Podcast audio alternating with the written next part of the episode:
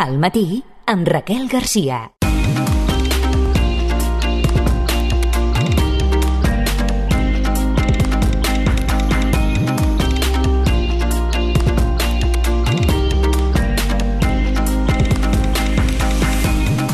Prepareu-vos perquè ara el que volem parlar és de tecnologia per veure quin és el llegat, què és el que ens ha deixat el Mobile World Congress en diferents aspectes, com per exemple la connectivitat 5G, 5G 6G, la intel·ligència artificial, la realitat virtual en àmbits com la mobilitat, la salut o la tecnologia de l'educació també. En parlarem. En parlarem ara doncs, amb l'Antoni Garrell, ell, ja sabeu, és enginyer industrial, president de Quema Hospital i també cofundador del Cercle per al Coneixement. Bon dia, Antoni. Molt bon dia. I benvingut al Gràcies. matí de Ràdio Sabadell. Avui des de l'estudi, eh? Sí, em fa il·lusió. Em fa il·lusió. A mi també. Vol Ah. dir que la pandèmia realment s'ha acabat. Exacte, exacte. I aquí continuem al peu del canó. Avui volíem, doncs, això, analitzar, no?, què és el que ens queda de, del que s'ha vist uh, durant el Mobile Congress. Quin és el balanç que faries? Si em permets més que un balanç, tres idees flash. No? Vinga. La primera, el mobile ja no és el congrés de la telefonia mòbil. Ha traspassat, eh, el gadget, més. fronteres. És, és, és molt, molt més, eh? aquesta visió tecnològica més àmplia. Aquest és un primer flash. Sí. El segon, la, el futur serà radicalment diferent com a conseqüència de, no del 5G, que com se sap és bona velocitat i latència tirant a zero, Sí. sinó ja d'alguns avenços de lo que serà el 6G. És a dir, encara no tenim instal·lat el 5G, però ja estem parlant del 5G. Però pensa que el 6G, Sí. el 6G s'està parlant de, de, que arribi, de que arribi a 10 megabytes per segon, uh, mega, mega, megabits, perdona, per segon, Sí. I que, a més a més, la tendència sigui 10 vegades menys petita, és a dir, eh, una dècima de segon, amb la qual és com si realment estessis present.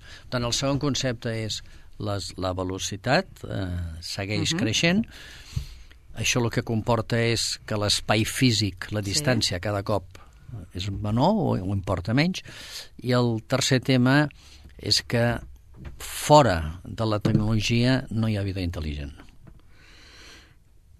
Aquesta premissa és molt important, eh? Bueno, això és la meva percepció del mobile, aquestes tres coses que t'he dit. Uh -huh. um, clar, en aquest sentit, uh, ara que parlaves, no? comencem per al tema de, de la connectivitat.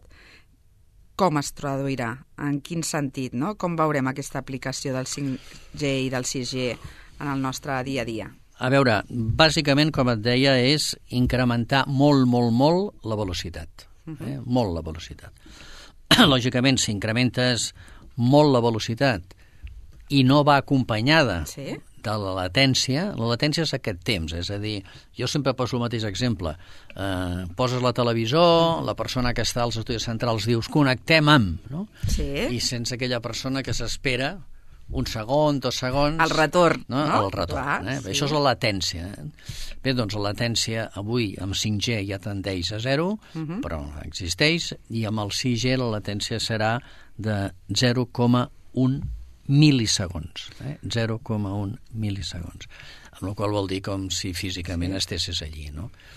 Això, alta velocitat i, laten uh -huh. i latència 0,1 mil·lisegons, sí. per tant tendeix a zero, el que comporta és que aquests conceptes vinculats a la telepresència Sí. siguin possibles. Eh?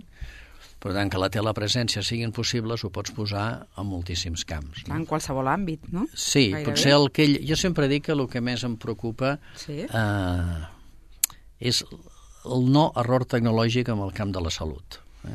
O sigui, tots estem farts, o jo estic fart, d'anar amb, amb presentacions, amb presentacions que et posen el PowerPoint, llavors volen connectar un vídeo, llavors no s'ho projectat el canyó, no s'ho presentat, el canyó no es connecta, i, i la típica frase de ja sabeu, és la tecnologia, no? I falla, no? Jo quan sento això em poso molt nerviós, perquè de sempre he pensat S'imagineu Sí. sí. que m'estan operant amb la poroscòpia, que m'han posat un tubet eh, per arribar a no sé on, i el metge que veu, eh, veu amb la càmera que t'han introduït per aquell foradet, i resulta que llavors no veu perquè no li va bé la connexió la connexió amb, amb la pantalla? Diria, no, és que és la tecnologia falla. Doncs mira, saps què? No m'operis. Exacte, deixa-ho, deixa'm com estic. No, no, no m'operis. Bé, per tant, diguem-ne, Sí. la tecnologia el que no pot fer és fallar, eh? el, el que pot fer és no, no fallar. Però partint d'aquest criteri, Sí. òbviament la telepresència en llocs que pot ser clau és amb el tema de la telemedicina. Per tant, els robots mèdics, que no són robots amb el sentit clar, perquè un robot és un ésser autònom. Uh -huh. En canvi, els robots mèdics, el Lugo, el Da Vinci, hi ha un metge que és el que l'està fent anar. L'únic que és molt més precís amb les seves... Eh, quan t'està tocant el cos o introduint-se al cos.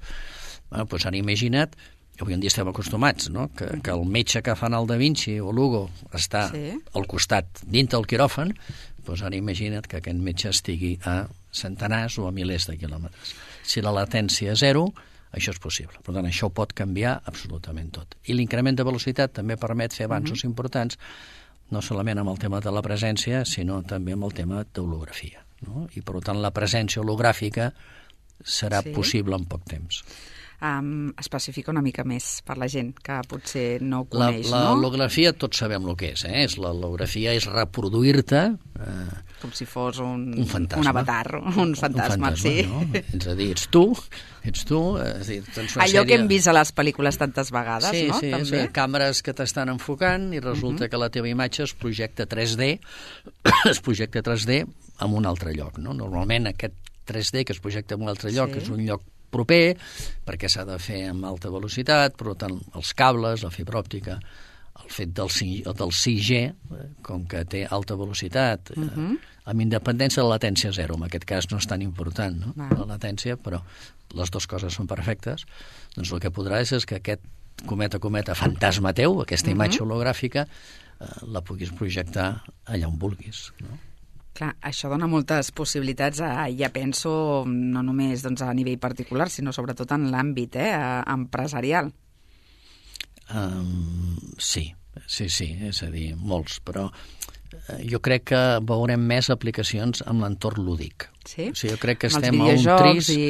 Sí? Bueno, inclús amb un tris de que les, les televisors, en lloc de ser algo que està a la paret, eh, estigui al mig de la sala de la sala d'estar, no? I que veiem el futbol mirant a terra com els jugadors corren per dintre casa nostra, no? És a dir, la imatge hologràfica dels jugadors. Serà impressionant. I això, més o menys, quan ens haurem d'esperar, Antoni? No, no en tinc ni idea. Ara bé, uh, Huawei uh -huh. diu que el 24 Sí? tindrà, ell ne diu el 5,5G. Vol dir que no, hi ha, no tindrà encara el 6G disponible, però sí que tindrà el 5,5. Eh? Uh -huh. Uh, 6G de veritat està previst pel, més enllà del 2025, no? per tant, uh -huh. pots situar-te al 2026, 2027. De totes formes, els canvis no solament aniran amb aquest tema, eh? perquè un altre tema associat amb tot això, que també es presentava al mobile, que és el tema de la computació quàntica.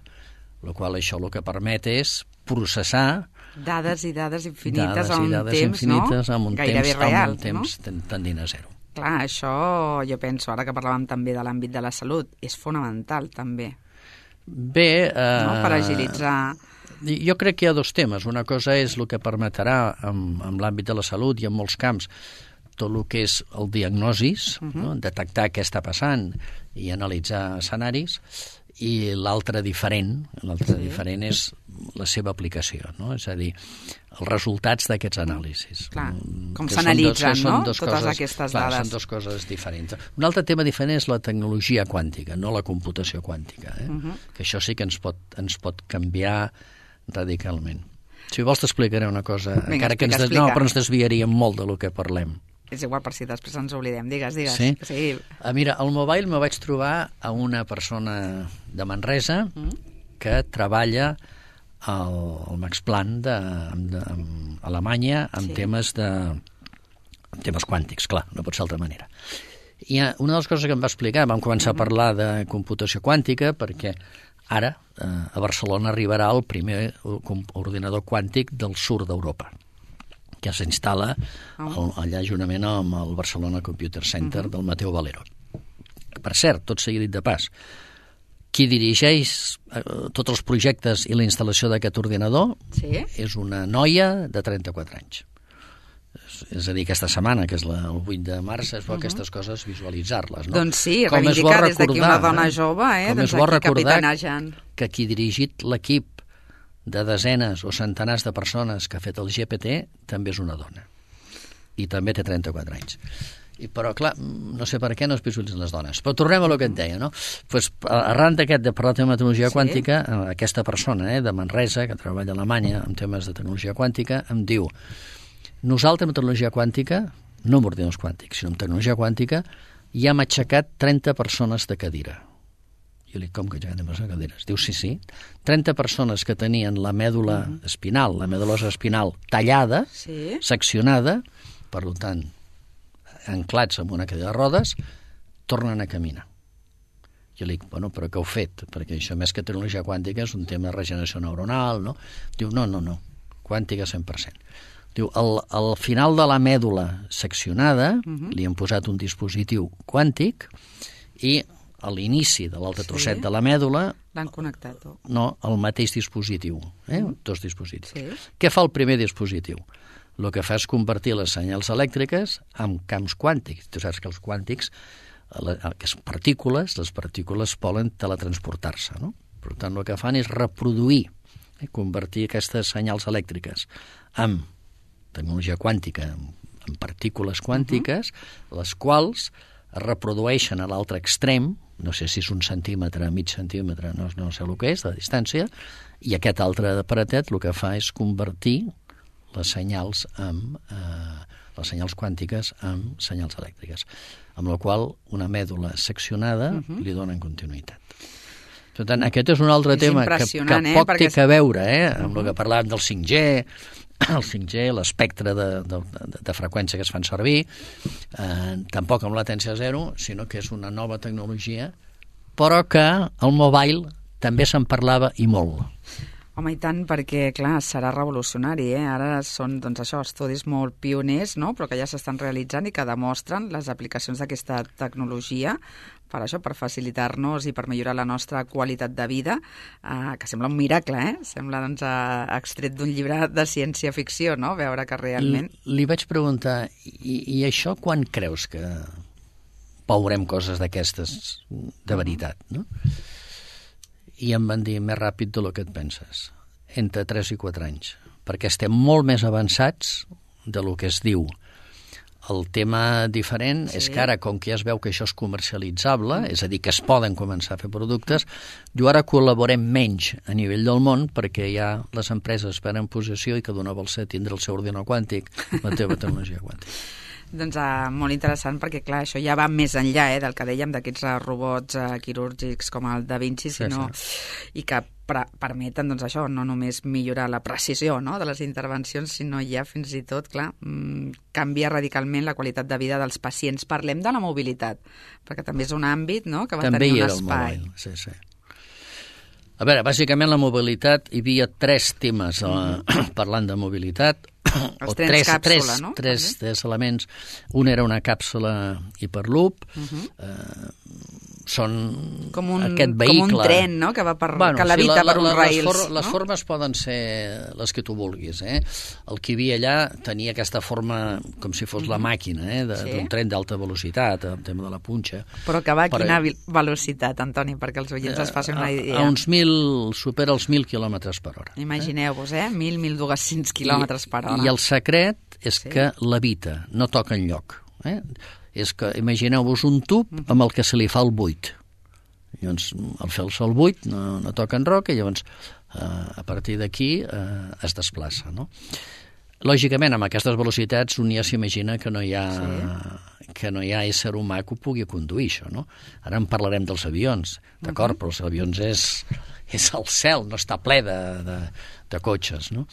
Per tant, eh, té molt sentit que sigui el mobile perquè tot funciona a través de, de wifi, d'or- d'ordinadors, de sensors, eh? de, de, de diferents elements. Per això et deia abans que no hi ha vida intel·ligent fora la tecnologia, perquè cada cop tot, tot està incorporant forçament tecnologia. Uh -huh. L'altre element que a mi em va agradar moltíssim i crec que s- és un tema que és menys eh, de ciència d'aquesta que algú diu de ciència ficció, amb el Sí. sentit de que sí, ho podem fer, però no ho podrem fer pel car que és, no? i per tant serà un privilegi i perquè s'han de crear grans infraestructures. Uh -huh. En canvi, el segon no, que és el tema de l'aerotaxis. Eh? Hi havia també d'una empresa asiàtica un, un, imagina't un cotxe sí. que té quatre braços i al sobre de cada un d'aquests braços té una hèlice, no? un dron, en definitiva i eh, per quatre places. Uh -huh. Per tant, el típic taxis de ciutat. Això sí que no té massa més secret,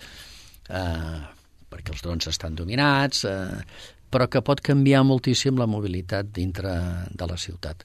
No cal dir-ho, eh? també els drons, eh, perdó, els drons, aquests aerotaxis automat tot automatitzat, eh? per tant, sense conductor. O sigui, dels quatre passatgers, els quatre són passatgers, no hi ha el dron et ve a buscar.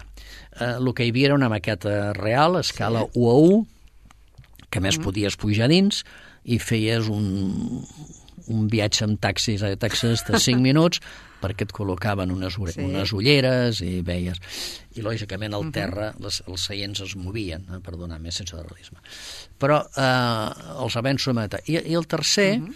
i el tercer que, que pot no sorprendre, però a mi em va sorprendre, que és el cotxe automàtic, però aplicat a temes de seguretat, és a dir, a guàrdies, a policies, i la virtut que tenia és que no solament el cotxe és un cotxe automàtic, sí. per tant, tot amb sensors, i gràcies als sensors doncs, no col·lisiona, parla amb altres cotxes, eh, entre ells. No? Eh, hi ha un tema que, que a mi sempre m'ha fet gràcia, uh -huh. no? si anem per una carretera de muntanya estreta i hi ha una curva, molt de cuidado perquè no sabem si ve un altre cotxe. No el veiem. Evidentment. Però, en canvi, un cotxe automàtic sí que sap que hi ha un altre cotxe que ve. No perquè el vegui, perquè la curva no el deix veure, però perquè els cotxes parlen o poden parlar entre si, no? I envien les senyals dient estic aquí i l'altre el capta. Bé, doncs, però que lògicament era un vehicle que, a més a més, a part de ser automàtic, doncs tenia tots els gatges que et pots imaginar, no? Eh, per exemple, el tema de reconeixement facial, eh, el tema d'accés eh, parlant a bancs de dades, per tant, era un cotxe que no solament era un cotxe automàtic, sinó que havia integrat a distància tots aquests serveis que normalment tenim en un despatx. Uh -huh. Increïble, eh? Um, és molt interessant també per això, perquè podrà doncs, millorar la nostra seguretat en principi, no? també doncs, aquests canvis a la carretera. Clar, uh, pensava, totes aquestes novetats, Antoni, també fan reflexionar no?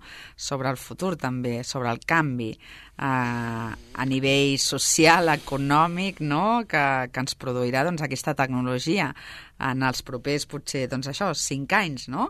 Um, clar, suposo que també fins i tot uh, canviarà la nostra manera no només de relacionar-nos, sinó fins i tot també de treballar. M'he quedat pensatiu, perquè eh, ahir, a la, ahir la tarda... Bueno, el, el dissabte vaig escriure un sí, mini-post un mini sí, parlant del, de que estem camí del, de la poshumanitat, no? Mm és a dir, el fet de que nosaltres estiguem, cometa, cometa, millorats cognitivament, no? Uh, a part dels gadgets múltiples que ens poden apropar més als cíbors, no? I, i arran d'això, doncs, parlava amb, amb una persona sí. i va sortir el tema de com això ens canviaria el nostre dia a dia no? i la nostra forma de treballar. I em va dir, em va fer una pregunta que la veritat eh, han passat 14 mm, o 15 hores, sí que lògicament n'he dormit 7, mm -hmm. per tant no, no he estat pensant, però que no tinc resposta. La pregunta que em va fer és i quin treball no serà substituïble per la tecnologia? Jo en aquell moment li vaig contestar en aquell moment li vaig contestar eh, els tripulants de cabina d'aviació perquè hi ha un factor humà important. És a dir, la gent es pensa que un sí. tripulant de cabina és, una, és un cambrer, una camarera, no?, que et porta la beguda al seient. Però no és així, és a dir, té una tasca de cuidar la, de, de, de cuidar la canalla perquè no es posi nerviosa, de quan entrem a l'avió ens examinen sí. de dalt a baix amb criteris sociològics per saber si som conflictius o no som conflictius, o podem ser conflictius o no. Per tant, té aquesta component uh -huh. més sociològica, antropològica, eh, puricultor de la canalla, no? I li, i li vaig contestar mm, això, no? perquè en definitiva és tenir cura de moltes persones, o determinat, i tindre aquesta psicologia, no? I em va dir, només? I diu, bueno, què, què vols que t'hi diga? Vull dir, però me va deixar, me, me va deixar tallant, no? Perquè si tires, si m'ho hagués fet aquesta pregunta, doncs fa un, un mes o dos mesos, sí. ja, ja no et dic sis mesos, no? Li hauria dit tot, totes les tasques que són creatives, mm -hmm. totes les tasques que són altament creatives i totes les tasques que tenen un clar impacte social, eh? per tant, que també més vinculats a l'impacte psicològic. Eh? Li hauria contestat això. No? I, I si m'ho hagués dit i, crea, i programar i ser creatiu, uh -huh. eh, li hauria dit sí, també, eh? per tant, les professions tecnològiques. Ara ja no ho sé. Per tant, la pregunta que em va fer no tinc resposta. Per tant, clar que ens canviarà molt la vida, ens canviarà moltíssim la vida. El que no sé és en quant temps. Eh? Ara bé, jo em miro a la, a la canalla que avui em tindre, uh -huh. que està, diguem-ne, per sota dels 10 anys, i el món en què viuran no té res a veure amb el món nostre. I el que em preocupa són dos temes. Un és la privacitat, si acabarem sent més lliures o més esclaus, i me temo que el risc de perdre la privacitat i d'esclavitud eh, és elevadíssima. Per mi esclavitud és no poder fer el que un vol i estar condicionats per necessitats bàsiques. Eh? Uh -huh. eh, tant el gran repte que hi ha és socialitzar l'avenç tecnològic, aquest és el gran repte, i dos, no deixar en mans d'interessos privats uh mhm. -huh. coses que seran fonamentals en el nostre dia a dia. Doncs uh, tenim dos reptes molt importants, eh? En Però sentit. tinc la impressió que no es pren en sèrio. No, perquè també doncs, eh, jo crec que mm, les empreses no, que dominen també la tecnologia, doncs, eh, ells sí que ho tenen clar, no? I nosaltres moltes vegades doncs, eh, no som conscients no? de, però, però de l'ús el... que, que fem i, i dels interessos moltes vegades que hi ha. Clar, no? clar el... jo penso, si la tecnologia m'ajuda doncs, això, a treballar com a vegades hem llegit, no? amb articles teus, només 20 hores no? a, a la setmana i doncs, això, a generar no? més igualtat, a, a millorar la nostra qualitat de vida, perfecte. Però si això genera doncs, a més precarietat, més desigualtat, eh, més problemes també de salut mental, no? Ja ho veiem també doncs, avui Les dia, no? Les addiccions. Sí. Perquè en realitat, què és el que volen també? Que ens passem més hores, no? Amb aquests dispositius Segurament. Mentre, estàs, mentre estàs distret no penses eh, en la realitat, no? No sé, per això era el mobile. És a dir, el mobile... Eh, mobile tenies dues opcions, no? Una és fer anar a veure les curiositats, en quedar-te eh, il·lusionat amb els mòbils plegables cada cop més petits, que es, ja no és un giro, sinó que fan dos giros, ai, dos giros, dos plecs, uh -huh. perdó, no? El qual no són nous, perquè els telèfons mòbils plegables són de l'any 17, o sigui, ja tenen 5 anys, no? Uh -huh però sí que els han millorat molt amb, les, amb la qualitat de la imatge i han fet d'aquell lloc d'un plec en puguis fer dos, no? Per tant, sí, et podies anar, quedar-te enlluernat amb la teva tecnologia, uh -huh eh, era una opció. L'altra opció és intentar reflexionar com això ens canviarà en positiu, eh? Uh -huh. en positiu la vida, i hi havia moltíssimes coses que ens canviaran en, en positiu i que augmenten la nostra seguretat, moltíssimes. Eh, uh -huh. Per exemple, el tema d'envelliment a casa, no? és una de les coses, es veien aplicacions eh, de tot el, el tema distància, que això és molt important, la eh? també doncs, aquesta teleassistència, perquè cada cop som doncs, això, envellim i necessitem també doncs, a tenir cura no? del pacient també a casa seva. Uh... Però després hi havia la tercera forma, no? la tercera. No solament m'il·lusiono uh -huh. i em sorprenc amb el que veig, no solament reflexiono sobre com això ens pot impactar. Jo sempre dic, el primer que has de pensar és com pot impactar a tu mateix no? perquè el que, el que ets tu sí que coneixes amb molta perfecció tot el que estàs fent. No? Tant tu pots esbrinar com això et pot impactar amb el teu dia a dia, sigui professional, uh -huh. sigui familiar, sigui relacional. No? I després el tercer tema és intentar-te imaginar com tot això pot evolucionar. No? És a dir, quan tu escoltaves el uh -huh. Mateo Valero i, eh, parlant de la instal·lació de l'ordinador quàntic sí. i, i la Carme Artiga no? Tan, tancant el, el tema al final, no? diguem-ne, explicant el que representava el fet de que a Barcelona tingués el primer ordinador quàntic, no? et podies quedar amb l'anècdota. No? Tindrem el primer ordinador quàntic, això ens obre portes immenses. No? Però en canvi pots, pots després reflexionar i dir i què representa aquest augment exponencial de la velocitat de procés en quan vol dir processar les milions de dades. I darrere d'això, lògicament, com impacta amb la intel·ligència artificial, que també n'hi havia, i bastanta al mobile, bastanta no pot ser d'altra manera, els telèfons estan plens d'aplicacions amb intel·ligència artificial, però també n'hi havia bastant com la intel·ligència artificial ens altera o ens alterarà totes les nostres coses. Jo no sé si t'has connectat al xat GPT i has provat una mica. No, encara no. Doncs pues, eh, fes-ho. Faré la prova. No, no, fes-ho. És a dir, tots els que puguen que ho facin. Uh Mhm. -huh. eh? I que li preguntin, no, no, no vulguin preguntar coses rares, sinó les coses que els afecta a si mateix. O sigui, jo vaig acabar la carrera, sí. em dedicava a programació informàtica, no? I, no sem... I el primer que vaig fer és demanar-li que em fes un algoritme associat a detectar eh, qui entrava, qui no sortia, temes de, Sí. de carrers i de, de vehicles, no? Li vaig explicar i li vaig dir que em fes l'algoritme i, el, seny, i, el, i el, el lens aquest em Sí. va fer es, explicar l'algoritme, no? Ben fet. I llavors se m'acudeix dir-li i me'l podries programar amb el que jo vaig començar a programar al seu dia, eh? que era Fortran. I em diu, Fortran és un llenguatge de programació antic, eh, però sí t'ho puc fer. I em va fer el programa en Fortran. Sí, clar, imagina. Ja no me'n recordo molt bé, però si estava del Fortran, però efectivament estava, no? I després vam acabar amb el Java. Uh, clar, jo em qüestionaria si un programador normal, amb aquest escenari, eh, té futur. Lògicament, no té res a veure si tu ets un programador eh, de lo que és el que en podríem dir el software bàsic. Eh? Per tant, per això no, totes les aquí també professions la, canvien. clar, totes canviaran i per això la importància no? també d'aquest factor humà no? que, que comentaves abans per potenciar-lo no? Davant de tots aquests reptes, aquesta intel·ligència doncs, artificial i amb tots aquests neguits i sobretot el que sempre ens dius aquí, que hem de ser crítics no? i analitzar també doncs, a... Sí, no, no... I a vegades cal renunciar a certes apps del mòbil.